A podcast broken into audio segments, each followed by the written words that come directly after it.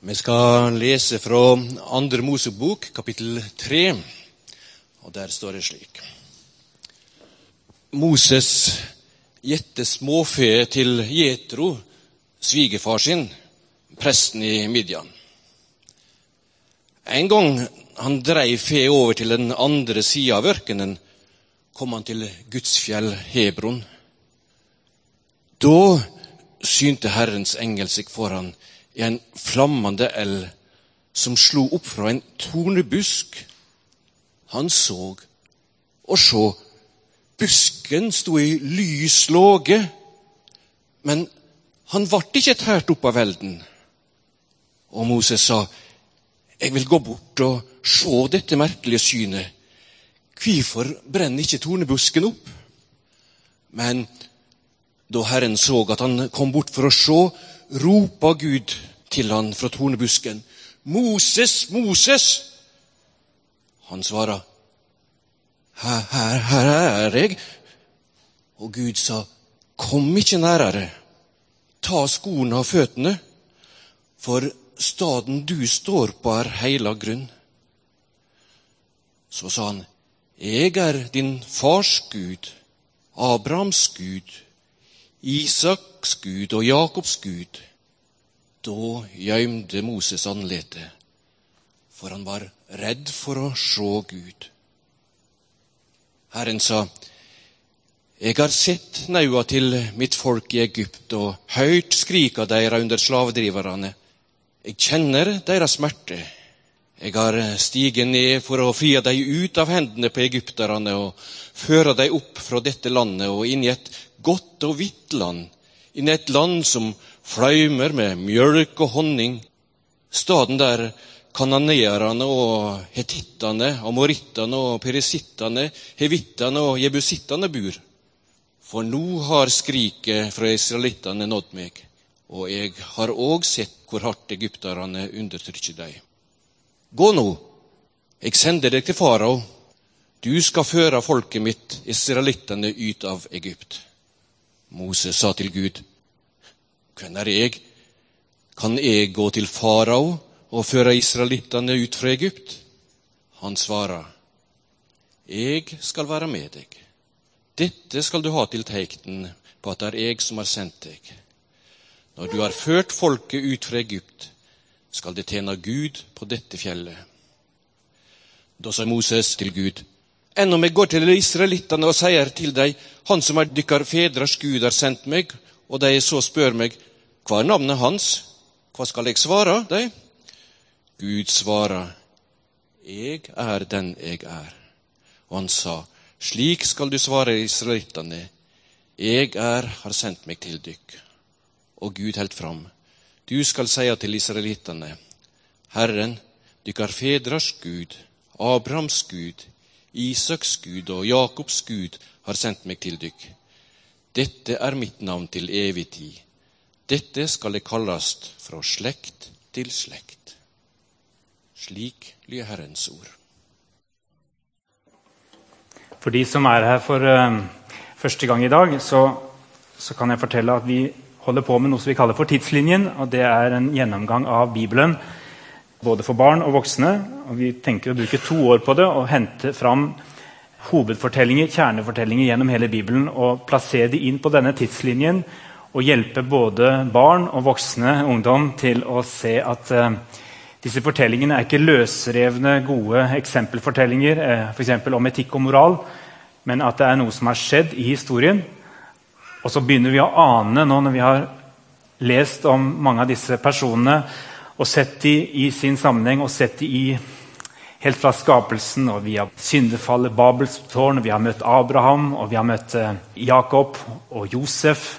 Og så ser vi at ja, de har levd liv som var fullt av kontraster. Men Gud har møtt dem, og på et eller annet vis så har de spilt en rolle inn i denne store fortellingen som vi aner handler om en fortelling for hele verden som handler om frelsesplanen Gud har for å føre mennesket tilbake til seg. Så Vi henter ut disse små bruddstykkene av de forskjellige fortellingene og så prøver vi å se dem i den større sammenhengen. Og også forsøke å lete etter spor av Jesus i det. Jeg syns det er en spennende reise, og vi har kommet fram til Moses. Og Vi har sett allerede litt gjennom uh, formidlingen til Raimond her hva som hadde skjedd i forkant. Men jeg bare tar en rask gjenoppfriskning. For Sist gang så møtte vi en Jakob som hadde fått med seg sine sønner til denne forviste gutten i Egypt, som hadde vokst seg stor og blitt en mektig fyrste i Egypt, nærmest. Og Josef han redder både Jakob og brødrene sine fra hungersnød henter storfamilien til Egypt, og der bor de. Og Der blir dette folket i 400 år, og underveis så vokser de seg til et stort folk, en stor minoritet i Egypt. Og det er sånn Når et, en minoritet vokser seg større, så begynner de å bli en trussel for uh, de som bor i landet. Det skjer stadig vekk, og det har skjedd også med jødene seinere. Og så er det en, en farao som kanskje minner om en Hitler i moderne tid, som sier disse her de vil vi ikke ha her lenger. Først så prøver han å holde kontroll på dem og sette dem til slaver. Og de blir et slavefolk for egypterne. Og så For å holde nede denne folkeveksten så begynner han også å si at hvert guttebarn som blir født, skal dø. Og Det er midt inni dette at eh, Moses tilfeldigvis får overlevd fordi han blir satt på elven. Og Han blir plukket opp og inn i palasset, og på forunderlig vis blir han oppdratt hos eh, Potifars datter. Vi ser for oss at Moses sannsynligvis hadde en relativt privilegert og flott stilling, men han visste fortsatt at han var jøde. Og på et tidspunkt så ser han urett som begås mot sitt folk. Og han eh, blir så sint at han, eh, han, tar livet av en av de som, eh, disse egypterne som, eh, som, har behandlet en av hans landsmenn dårlig. Dette blir farlig for han, og han må rømme. Så rømmer han ut da i ørkenen, ut til Midian, kanskje i en alder av 40 år noen si. Så han er allerede godt voksen når han flykter og mister på en måte hele sin privilegerte status. Og blir parkert i mange år der ute i Midian. Kanskje lever han et godt liv, det vet vi ikke. Det er lett å forestille seg at han var bare en gjeter, og det var vel ingenting. Det kan godt hende Moses hadde et godt liv, han hadde giftet seg han hadde fått familie.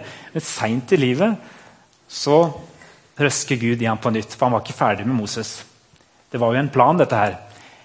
Gud skulle på et eller annet vis handle gjennom disse her hendelsene i historien. Og Det er inn i den fortellingen vi er i dag. Og, og det møtet Gud har med Moses der i ørkenen, det rommer vanvittig mye. Og Det er en fortelling som får veldig store konsekvenser, og som jeg kunne brukt tre-fire dager til å snakke om. Essensen på en måte, som ikke jeg snakker så mye om i dag, det er jo dette at det er i det møtet mellom Gud og Moses at han får et oppdrag om å dra tilbake og bli en fører for sitt folk mot alle odds. Vi kan jo se for oss i ettertid at det var en grunn til at Moses ble valgt ut. Fordi han hadde kjennskap og innsikt i Egypt som få andre på forskjellige nivåer. Men i utgangspunktet var han en, eh, en fallitterklæring som skulle da dra tilbake og så skulle prøve å bli en fører for sitt folk. Og For han så blir hele dette kapittelet en diskusjon med Gud. Hvorfor jeg? Kan det være mulig at du, skal bruke meg til dette? her? Han, har, han, trenger å få masse bekreftelse fra Gud på hvem Gud er, og på at dette er troverdig, og på at han virkelig kan gå og gjøre dette. Og Så fortsetter jo denne fortellingen videre, og noe av det skal vi høre om seinere i, i, vår. Men egentlig så stopper jeg først og fremst opp med denne lille fliken, som er at han går der med sauene sine som gjeter, så ser han et syn, og så ser han en brennende tornebusk. Det er grunnen der jeg skal være mest i det eh, korte det jeg skal si i dag, som jeg må prøve å begrense. For øvrig Det stedet Moses er på sannsynligvis når han oppdager denne brennende tornebusken, det er da i nærheten av Hebron eller Sinai-fjellet. Noen steder så omtales det som eh, Horeb-fjellet, noen steder som Sinai-fjellet der de tenker seg at uh, dette har foregått. Det var jo også der, i dette området, seinere israelsfolket befinner seg når de er i ørkenen, og når Moses mottar disse lovtavlene. Det kommer vi tilbake til også seinere. Det er bygget en, uh, et kloster i Sinaørkenen omtrent der tradisjonen sier at den brennende tornebusken sto. Det kan man sikkert ikke vite helt sikkert, men dette klosteret det bærer på veldig rike tradisjoner. Har også flotte ikoner. Jeg tror det er et veldig interessant sted å besøke hvis en har mulighet til å ta en sånn tur utenfor allfarvei i eh, Egypt-området. Og så, så, skjer dette her at det er et vendepunkt i Moses sitt liv. Det står Da viste Herrens engel seg for ham i en flammende ild som slo opp fra en tornebusk. Og Han sier at det er Herrens engel plutselig her. Andre steder står det at det er Gud som taler. Så det er ikke én engel. Men når det i Gammeltestamentet står 'Herrens engel', så er det, eh, representerer det Gud selv og den framtreden han har der og da. Han så og se, står det, busken sto i flammer, men den ble ikke fortært av ilden. Og Moses sa, 'Jeg vil gå bort og se dette mektige synet.' 'Hvorfor brenner ikke tornebusken opp?' Egentlig så er visst det uttrykket som er brukt idet han går av fra veien, eller det han ser til det, så står at han, han må vende om og gå av fra veien og gå bort dit. For meg er det et uttrykk for at her skjer det noe helt sånn unaturlig i Moses sitt liv. Det som han holder på med til daglig, og det som du og jeg kanskje holder på med til daglig, i vårt arbeid, i våre studier, i vårt liv Det kan f.eks. være gjete sauer eller jobbe med mennesker. Gjøre et godt dagsarbeid. Være på den plassen Gud har satt deg. Og så er det plutselig et eller annet som inntreffer, som på en måte går utenom den daglige rytmen. Eller kanskje på utsida av forestillingene våre. Dette er en helt unik hendelse som, eh, som, de aller færreste opplever maken til. Et sånn type syn. Men jeg tror den brennende tornebusken den representerer noe som kan gjelde for veldig mange. For hva er en brennende tornebusk?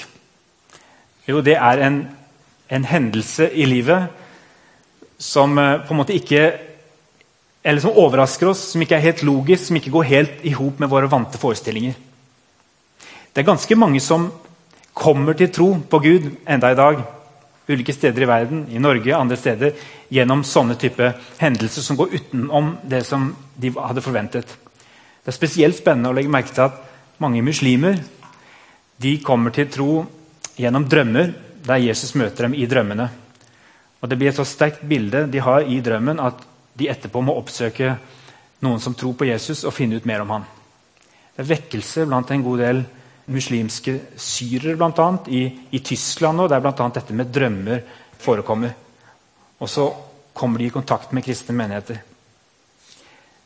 Eller det kan være vi som har vært troende et langt liv, som begynner på en måte å gå inn i et spor og som begynner å tenke sånn er det å, å tro på Gud. Sånn har jeg det med min Gud. Sånn ser han ut for meg.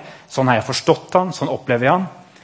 Og så møter en eller annen erfaring oss som går på en måte helt utenom det vi har erfart før, eller sett før. Da har vi på en måte et valg. tenker jeg. Det er derfor jeg stopper opp akkurat det ordet at han måtte gå av fra veien og gå bort. For jeg tror faktisk sånne type enten overnaturlige hendelser eller overraskende øyeblikk, eller møte med mennesker som sier ting om Gud som er annerledes enn vi har oppfattet det før, det skjer relativt regelmessig. Men det er ikke alltid at vi går av fra veien. Vi velger bare å bli akkurat der hvor vi er. Ok, der borte, å ja, Noen ser det, ja, noen opplever noe sånn. Å ja, det er det som er. Ja, ja, de får holde på med sitt. Jeg utfordres litt av uh, dette med hva som er brennende tornebusker. Som bryter inn i vår virkelighet her og nå i dag. Og så spør jeg deg hva slags brennende tornebusker kan det være i, i dine omgivelser. Brennende tornebusker er ganske farlige øyeblikk for motstanderen. Han som ikke vil at vi skal komme til tro eller føres videre i Guds plan. Han vil helst at vi skal på en måte bare følge vår egen vante hverdag med det som vi har pleid å gjøre. Spesielt når vi har kommet opp i, i årene sånn som Moses var på dette tidspunktet. Så, så er det liksom, ikke, ikke, ikke avbryt oss for mye nå. Nå har vi på en måte funnet vårt spor. Det er her vi er, det er det vi holder på med. Så tror jeg Gud fortsatt tillater det å, å komme denne typen overraskende hendelser som tegn. Og Så gjør vi ikke de overraskende hendelsene nødvendigvis til regelen som følger livet hele veien, men gir vi oss anledning til å stoppe opp og spørre oss hvordan kan dette utvide troen min. Jeg har også hørt om noen som blir utsatt for overraskende godhet. Som på en måte er helt sånn annerledes enn de hadde tenkt. Og det blir som en brennende tornebusk. Eksempel var en som uh, fortalte at uh, hun på arbeidsplassen hadde opplevd at sjefen som var litt over i hierarkiet, hadde tatt skylda for noe som helt åpenbart var hennes ansvar. Det Det var en fin handling i seg sjøl, men hun hadde liksom ikke helt slått seg til ro med så hun hadde måttet spørre han, men hvorfor, hvorfor gjorde du dette. her? Det var, det var, mye lettere for deg å ikke ta ansvar for dette, og ta, at jeg skulle ta ansvar for det selv. Og da hadde han sagt ja, når du først spør, så, så er det fordi jeg tror på Jesus. Han, han var litt flau over å si det.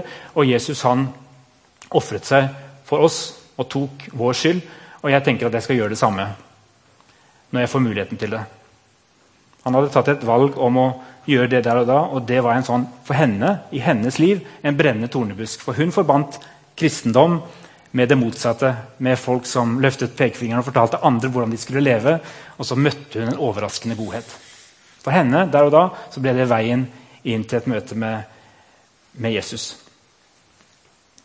For noen er det disse tragiske, vonde hendelsene som røsker opp i livet, og som i seg sjøl ikke gir noen mening, men som får mennesker til å kaste om kortene på nytt i forhold til hele troen og si men den Gud som jeg trodde på, det passer ikke lenger med det jeg nå har opplevd. Hvis du finnes, hvem er du, Gud, her? Skal jeg bare avvise hele gudstroen, eller skal jeg forsøke å bli kjent med den Gud som møter meg her i dette forferdelige som har inntruffet i mitt liv akkurat nå? For meg så har den brennende tornebusken i fortellingen denne gangen den som ikke brenner opp, den har blitt en symbol og en vekke som har å gjøre med en selverkjennelse. Jeg innser at jeg i altfor stor grad plasserer Gud inn i en boks som er passelig behagelig, og som så lite som mulig skal utfordre min livsstil og de valg jeg gjør for livet mitt. Jeg innser at selv om jeg til og med jobber med Gud i hverdagen og måtte motta min lønn for å jobbe med Gud hele veien, så kan jeg leve på avstand fra han, holde han på armlengdes avstand og ikke forholde meg til det som kan være kanskje fryktinngytende og hellig i møte med han.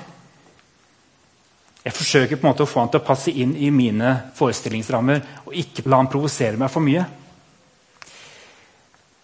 For mer enn noe annet så tror jeg at denne fortellingen også det vi ser etterpå i fortellingen, det handler om at Moses fikk et utvidet gudsbilde som rommet mer enn det han visste om Gud før.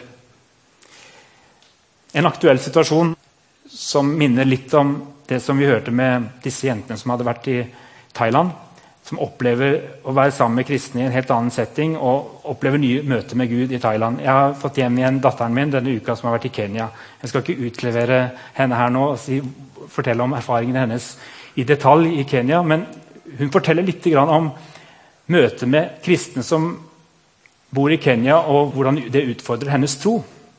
Og jeg tenker at på en måte så har hun møtt en brennende tornebusk. For ofte så, så møter vi, når vi treffer på andre kristne andre steder, under andre himmelstrøk, så leser de den samme Bibelen, tror på den samme Jesus og forholder seg til den samme Gud som vi gjør. Men det er akkurat som om de ser andre ting enn vi har sett. Når de snakker om Gud, sier hun i Kenya, så opplever hun ofte at de snakker om han som veldig stor og mektig. Og en de har voldsom respekt for. Hun forteller at han kan framstå som litt strengere enn det hun opplever at hun eh, har møtt i eh, forkynnelse og sammenhenger hun har gått i her i Norge. Hun sier at de bruker veldig mye Gamle testamentet og leser mye mer i den enn det vi vanligvis gjør. Og så sier hun at hun har savnet noen ganger å høre mer om den Gud som er nær, som er en god venn, den som hun opplever at Gud har vist gjennom Jesus. Og så er det lett for meg å sette meg i høysetet og late som jeg har forstått mer av Gud. For Det gamle testamentet det må jo leses i lys av alt det vi hører om han i Nytestamentet. Vi må passe på å på en måte ikke bli værende bare i bildet av Gud i Det gamle testamentet. Jeg får opp alle disse behovene for å på en måte dempe litt det bildet hun har fått av Gud i møte med kenyanske kristne. Jeg sier ofte til nye som ikke helt vet om de tror på Jesus ennå, du skal begynne med evangeliene, ikke begynne med Mosebøkene. Begynn med evangeliene, bli kjent med Jesus først. Det holder jeg fast på.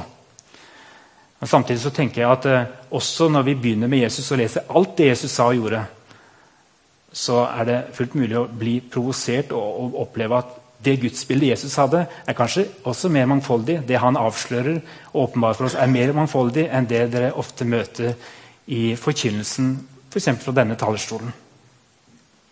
Som eh, Johannes Kleppe skrev Han sitter her til et bilde. Det bildet som kommer på veggen nå, som han skrev på bloggen sin for et eh, par år siden. Jeg har temmelig lang erfaring i å gå på ulike møter og gudstjenester og i det å lytte til ulike prekener og forkynnelse. Lenge har mine observasjoner og min søken etter noe å nære meg på vært ledsaget av en snikende uro over at det blir formidlet et ganske annerledes bilde av Gud enn det som tegnes i Bibelen. Sagt på en litt karikert måte så er dette essensen i forkynnelsen. Gud er snill, omsorgsfull og kjærlig.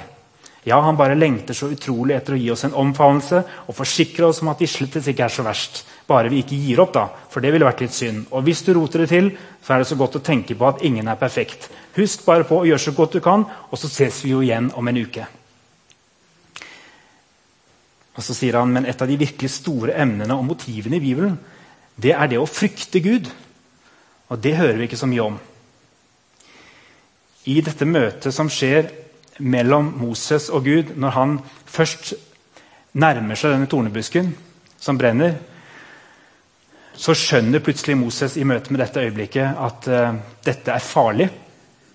Og Stemmen roper også til han at han skal ta av seg sandalene, for han står på hellig grunn. Og Responsen til Moses er at han holder seg for øynene, for han er redd for hva som kan skje hvis han ser Gud. Så hans naturlige respons der og da på dette øyeblikket, dette hellige øyeblikket, dette overraskende øyeblikket, det er frykt. Men det er det vi kaller for Guds frykt. Respekt for noe som er så høyt og hellig, og påminnelsen om at jeg er bare et menneske. Jeg var på speiderlandsleir i Vinje i 1986. Da var jeg 13 år. Var bibeltimer hver morgen om bl.a. Moses. Bibeltimeholderen var morsom, han klarte å engasjere oss. Han klarte det kunststykket å gjenfortelle historien om Moses som møtte Gud i den brennende tornebusken, på en sånn måte at iallfall én setning brente seg fast hos meg. Da han kom til punktet der Moses nærmer seg den brennende tornebusken, så gikk han inn i rollen som Gud, og så sa han, Da sa Gud, kibba deg sandalene, Moses, du står på hellig grunn. Ja, sånn sa han det. Og Jeg har alltid tenkt at han var jo en glitrende formidler. For han klarte jo å få oss barna til å huske den setningen resten av livet. Vet du, Jeg klarer ikke å lese den fortellingen i dag uten å komme til det punktet og tenke på han latterlig morsomme presten som sto der oppe og sa 'Kibba deg sandalene, Moses. Du står på hellig grunn.' Og jeg frykter for at det mer eller mindre, også fordi jeg har hørt så mange andre lignende ting, former mitt gudsbilde. Midt i en tekst, midt i en fortelling som dirrer av mysteriet og alvoret og av avstanden opp til Gud og det fryktelige møtet som kan potensielt være fryktelig skadelig for Moses, der hans naturlige reaksjon er redsel, så må selvfølgelig vi sånn joviale prester vi må også lage denne fortellingen om til en sånn Moses, hei! Må nå ta av deg sandalen, for dette er litt farlig.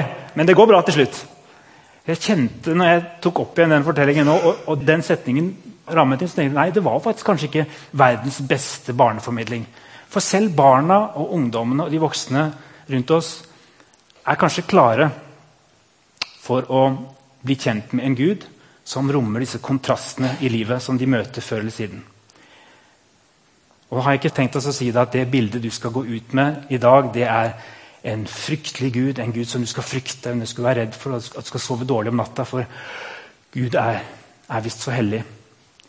Men det jeg tenker er at eh, skal vi virkelig forstå Gud og ta Han med oss og forstå hva Han kan gjøre i vår liv og gjøre i vår verden, så trenger vi både Han som høy og hellig, som bor i det høye og hellige, og som er så veldig at ingen egentlig kan nærme seg ham og bli kjent med at det er Gud sånn som han egentlig er. Og samtidig at han er fullstendig fullkommen kjærlighet og den som kan komme så nær oss, og som har åpna en vei for oss til at vi faktisk kan gå inn i det som egentlig burde være farlig, og gjør at de ikke behøver å frykte. Men hvis mennesket ikke får fram dette spennet, eller hører om dette spennet i gudsbildet, så er jeg redd for at vi sitter igjen med en sånn en dvask og liten gud som egentlig ikke er i stand til å virkelig hamle opp med ondskapen og det vonde. Og heller ikke virkelig er i stand til å vise oss hva godhet er, og hva nåde er, og hva oppstandelse er. For Hvis ikke det finnes muligheten for tornebusker som brenner og som ikke brenner opp, i vår tro, da sitter vi igjen bare med moralske historier. Men vi forholder oss til en mektig Gud som gjennom bildet av ilden framstår som skremmende, men som og Der kommer vi litt til noe av sluttpoenget her. Som faktisk kan gjøre oss til en tornebusk. Som brenner, og som står midt i Guds nærvær. Midt i den samme Gud som ikke har forandret seg. Som ikke er én Gud for Gammeltestamentet en annen for det nye. Men som står midt i nærværet av denne ilden og likevel ikke brenner opp. Hvorfor? Jo, fordi Forunderlig nok han som taler ut fra denne ilden, Herrens engel, som kanskje egentlig er Kristus, han er den som har blitt kastet på denne ilden, ofret, som er blitt brent opp for vår skyld, og som gjør at vi kan faktisk nærme oss og gå inn i det aller helligste og være i dette brennende nærværet av Gud uten å brenne opp. Fordi han beskytter oss ved sin nåde og ved sin forsoning. Det er den samme Gud som møter oss i det gamle og det nye. Det er den samme Jesus som eh, representerer denne Gud, og som sier 'Før Abraham var, er jeg', og bekrefter det gudsnavnet som Jesus ga seg selv i dette møtet med Moses når han sa 'Jeg er den jeg er'. Du skal gå til jødene, til israelittene, og skal du si 'Dette er mitt navn. Jeg er'. Ikke plasser meg inn i en boks og si at du har meg, og at du har full oversikt over meg. For jeg er alle tings årsak. Jeg er den som har satt alt i gang. Jeg var før alt ble til. Jeg satte alt i gang. Jeg er også den som skal avslutte det hele, og som skal fullføre verket. Jeg er. Og Jesus bekrefter at det er også hans navn. En Gud som bor i det høye og hellige, og hos den som er knust og nedbøyd i ånden en gud som eh, møter Moses i veldige, dette veldige skremmende tornebuskmanifestasjonen, men som samtidig sier jeg har bestemt meg for å gjeste mitt folk, for å gå ned. For jeg har sett mitt folks lidelse. Jeg har bestemt meg for å nå redde mitt folk. En Gud som kommer nær gjennom disse handlingene som Moses får være med på senere i sitt liv. Et fantastisk frampeik også på den Gud som kommer inn i i vår verden i kraft av Jesus Kristus og blir et menneske for å gjøre Guds nærvær tilgjengelig for alle mennesker. Jeg avslutter igjen med noen flere ord av Johannes i denne lille bloggnotatet hans. og Derfor blir det siste i dag. Når vi leser i Bibelen om at Gud manifesterer seg, og menneskene blir redde, så kommer samtidig hilsenen 'frykt ikke, vær ikke redde'. Det virker ganske forvirrende. Englene sier ikke 'frykt ikke' fordi vi ikke har grunn til å frykte Gud, men fordi Den hellige ønsker å møte oss med nåde. Så fortsetter Johannes. Gud ønsker å føre oss til det punktet der vi frykter Han. Og fra det sårbare punktet vil han tale sitt ord til oss om at vi ikke trenger å frykte mer. Bibelen sier, 'Er Gud for oss, hvem er da mot oss?' Men vi må komme til det punktet der vi frykter for å forstå at det handler ikke om oss, men det handler om en trofast Gud, et hellig vesen som er langt større og mer mektig enn oss. En som vi ikke skal ta opp kampen mot og utfordre, men finne vår tilflukt hos. Kjære himmelske Far. Overrask oss.